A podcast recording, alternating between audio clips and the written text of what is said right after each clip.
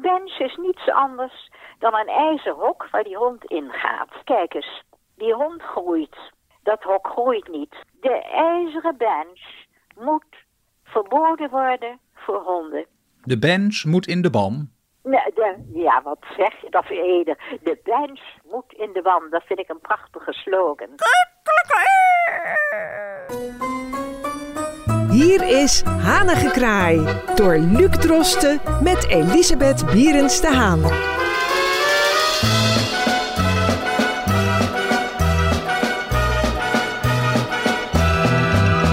Hartelijk welkom, u bent weer verbonden met Amsterdam FM. Mijn naam is Luc Drosten en Elisabeth Bierens de Haan zit vertrouwd aan de telefoon. Vandaag in deze rubriek staan dieren centraal en dan in het bijzonder dierentuinen en artis. Als ik zelf aan dierentuinen denk, dan denk ik aan giraffen, olifanten. Mevrouw Bierens de Haan, wat is uw favoriete dierentuindier? Nou, kijk eens even.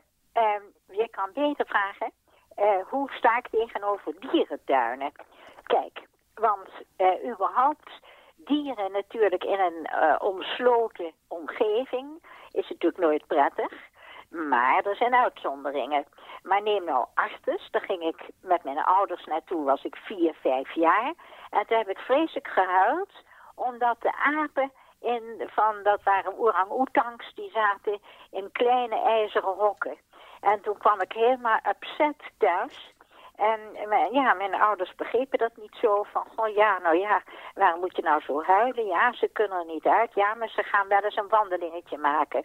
En toen ben ik zo door mijn leven heen, ik ben natuurlijk vaak in artis geweest, ben ik over dat fenomeen gaan nadenken, dieren en dierentuinen. Kijk, als dieren de ruimte hebben en je hebt een grote een land, een stuk land, waar ze uh, prettig zich kunnen bewegen.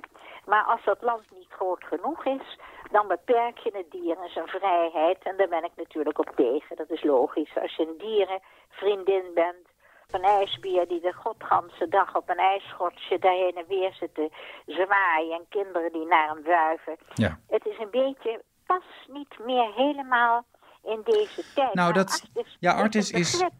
Dus wil je dat verbeteren, dan maak je grotere hokken, je maakt meer ruimte. Dat doen ze ook, ze moderniseren. Dus uh, geen kritiek, maar mijn uh, gevoel zegt een dier die de ruimte heeft, vooral wilde exotische dieren, dat is goed. Het moet groot zijn, het moet landelijk zijn. Ja. Er moet ruimte voor het dier zijn, zodat kinderen ook uh, leuk eindelijk eens uh, weten hoe ziet een giraf eruit. Maar het moet ruim en het Ja. moet groot zijn. Dit is eigenlijk wat ik ervan vind. Ja, prima. En ehm, u had het net over inderdaad kinderen moeten dieren leren kennen. En zeker in deze tijd, hè, waarin er ook eh, kinderen zijn die elk amper nog weten dat eh, melk überhaupt uit een koe komt, et cetera. Ja. Dan kan ik me voorstellen dat de artis, eh, nou, dat dat een van de kerntaken van artis zou moeten zijn om de stadsjeugd toch eh, enigszins in ehm, kennis te Ja, laten maken en met de natuur. Ze geven lezingen.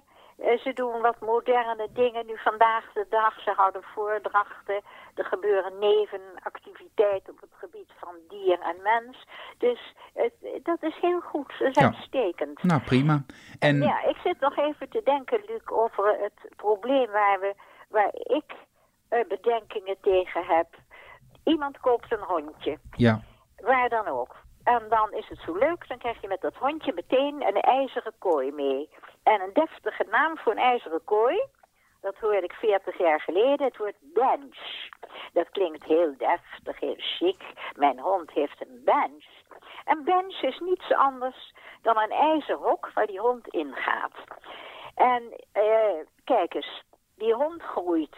Dat hok groeit niet. De ijzeren bench moet verboden worden voor honden. de bench moet in de. Nee, de, ja, wat zeg je dat Ede? De bench moet in de wand. Dat vind ik een prachtige slogan. En het is zo gek, Luc. Dan kom ik hier in de buurt iemand tegen met een hondje, vreselijk wild en opgewonden. Het eerste wat ik vraag, mevrouw, gaat hij s'nachts in de bench? Ja, zeker. Anders knaagt hij alle beradingen door. Ik zeg, nee, als u dat nou eens niet doet, die hond in de bench. En doodgewoon, u laat hem op, aan het voeteneind liggen. U koopt een leuke mand. En u zet er allemaal leuke dingen in. dan is dat knagen door die bedrading meteen afgelopen. We moeten het omdraaien. Ja, nou ja dat is een optie. U, uw denkpatroon omdraaien, mevrouw. En hoe, re hoe, reageerde die mevrouw? Nou, ze zat met grote ogen naar me te kijken. Ik zeg, mevrouw, ik heb altijd honden gehad. Ik ben de hondenfluisteraarster. Nou, ik kwam een paar weken later weer tegen. Toen zei ze, mevrouw, het helpt. Ik heb die, die kooi, die bench op straat gezet. Heb ik toch niks meer aan. En, en het hondje gaat keurig in de mand. Ik zeg, in je mand. En daar ligt bot en er ligt allemaal lekkere dingen. En zijn, zijn bordjes staan daar, water en vleesjes. Kijk, dat is een plekje. En al, al die ijzeren hokken. Dat, ik weet precies hoe dat komt. Er komen ingenieurs, die zijn heel ingenieus en die bouwen die dingen. En gaan dan tegen de fokkers zeggen, kijk eens, we bieden u dit aan. En als er een hondje gekocht wordt, dan verkoopt u dit er meteen bij. Het is big business. Maar het is voor de hond een ellende. Ja. Want meneer en mevrouw gaan naar de Kalverstraat, blijven drie uur weg. Hond zit gillend in die bench. Drama's. Ja. Dit moet van nu af aan dat die podcast de lucht ingaat, moet er een verbod komen via de dierenbescherming of via wetten. Verbod op bench. Want een kettinghond mag ook niet. En een hondenhok, zo'n houten hok buiten op het erf met een touw waar een hond aan vast zit, dat zijn ouderwetse dingen, dat kan niet meer. Nee. De hond moet vrijheid hebben, maar hij moet gehoorzaam zijn.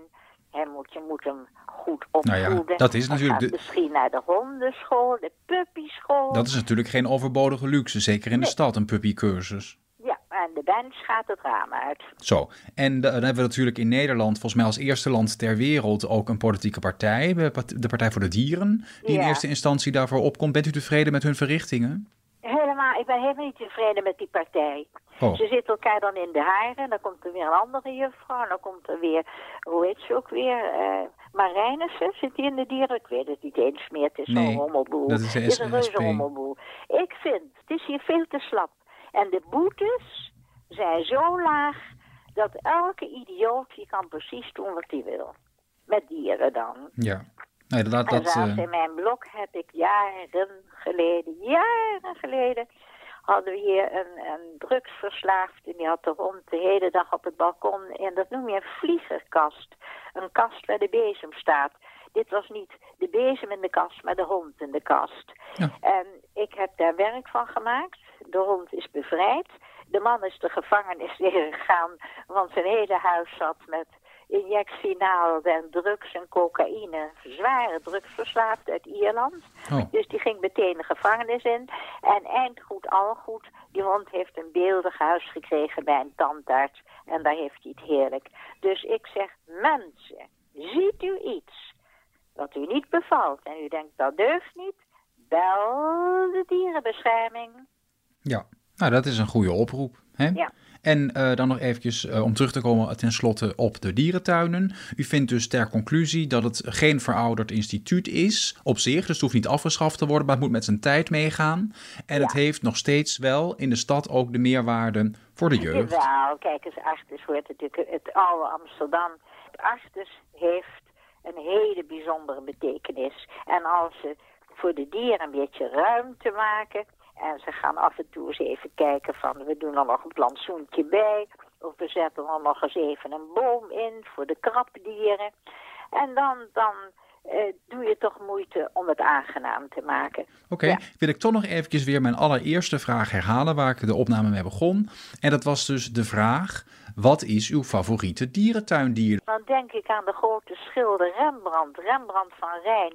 En dat is vreselijk leuk. Er was een tentoonstelling in het Rembrandthuis. En die tentoonstelling, dat waren tekeningen van Hanky. Hanky de olifant. En dat was een olifant in de tijd van Rembrandt. En die liep op de botermarkt, moet je je voorstellen, wat klinkt dat zalig, de botermarkt. Daar liep Hank de olifant met zijn eigenaar. En die olifant deed wat kunstjes, een poot optillen. Of met zijn slurf leuk sinaasappels in de lucht gooien.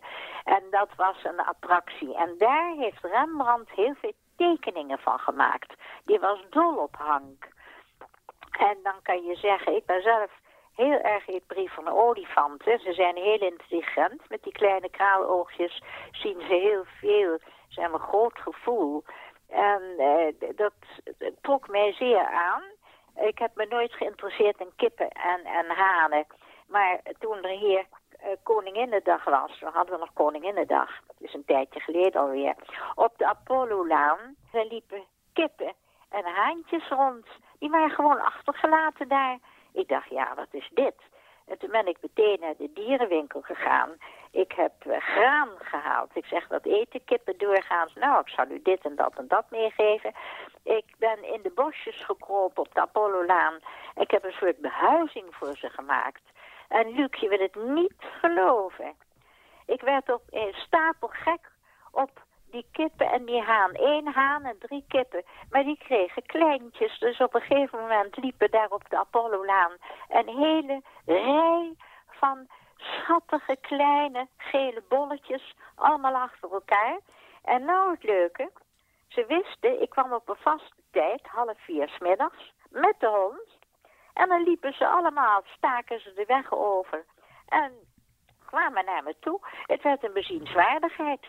Nou, en dat ging heel goed. Er was een dame die zei, ik ga u helpen, want dat wordt te veel voor u allemaal. En die kwam ook met een zak met graan. Dat werd me daar een hele toestand. Reuze leuk, die Apollo-laan, ja. die nu vol met beelden staat. Het is niet, het kan niet tippen aan levende kippen. Het kan niet tippen aan levende kippen. Ik heb het karakter van de kippende haan leren kennen door dit, deze gebeurtenis. Nou, we gaan dus het... Zo, uh... zo heb je een beetje een idee van mijn dierenhart.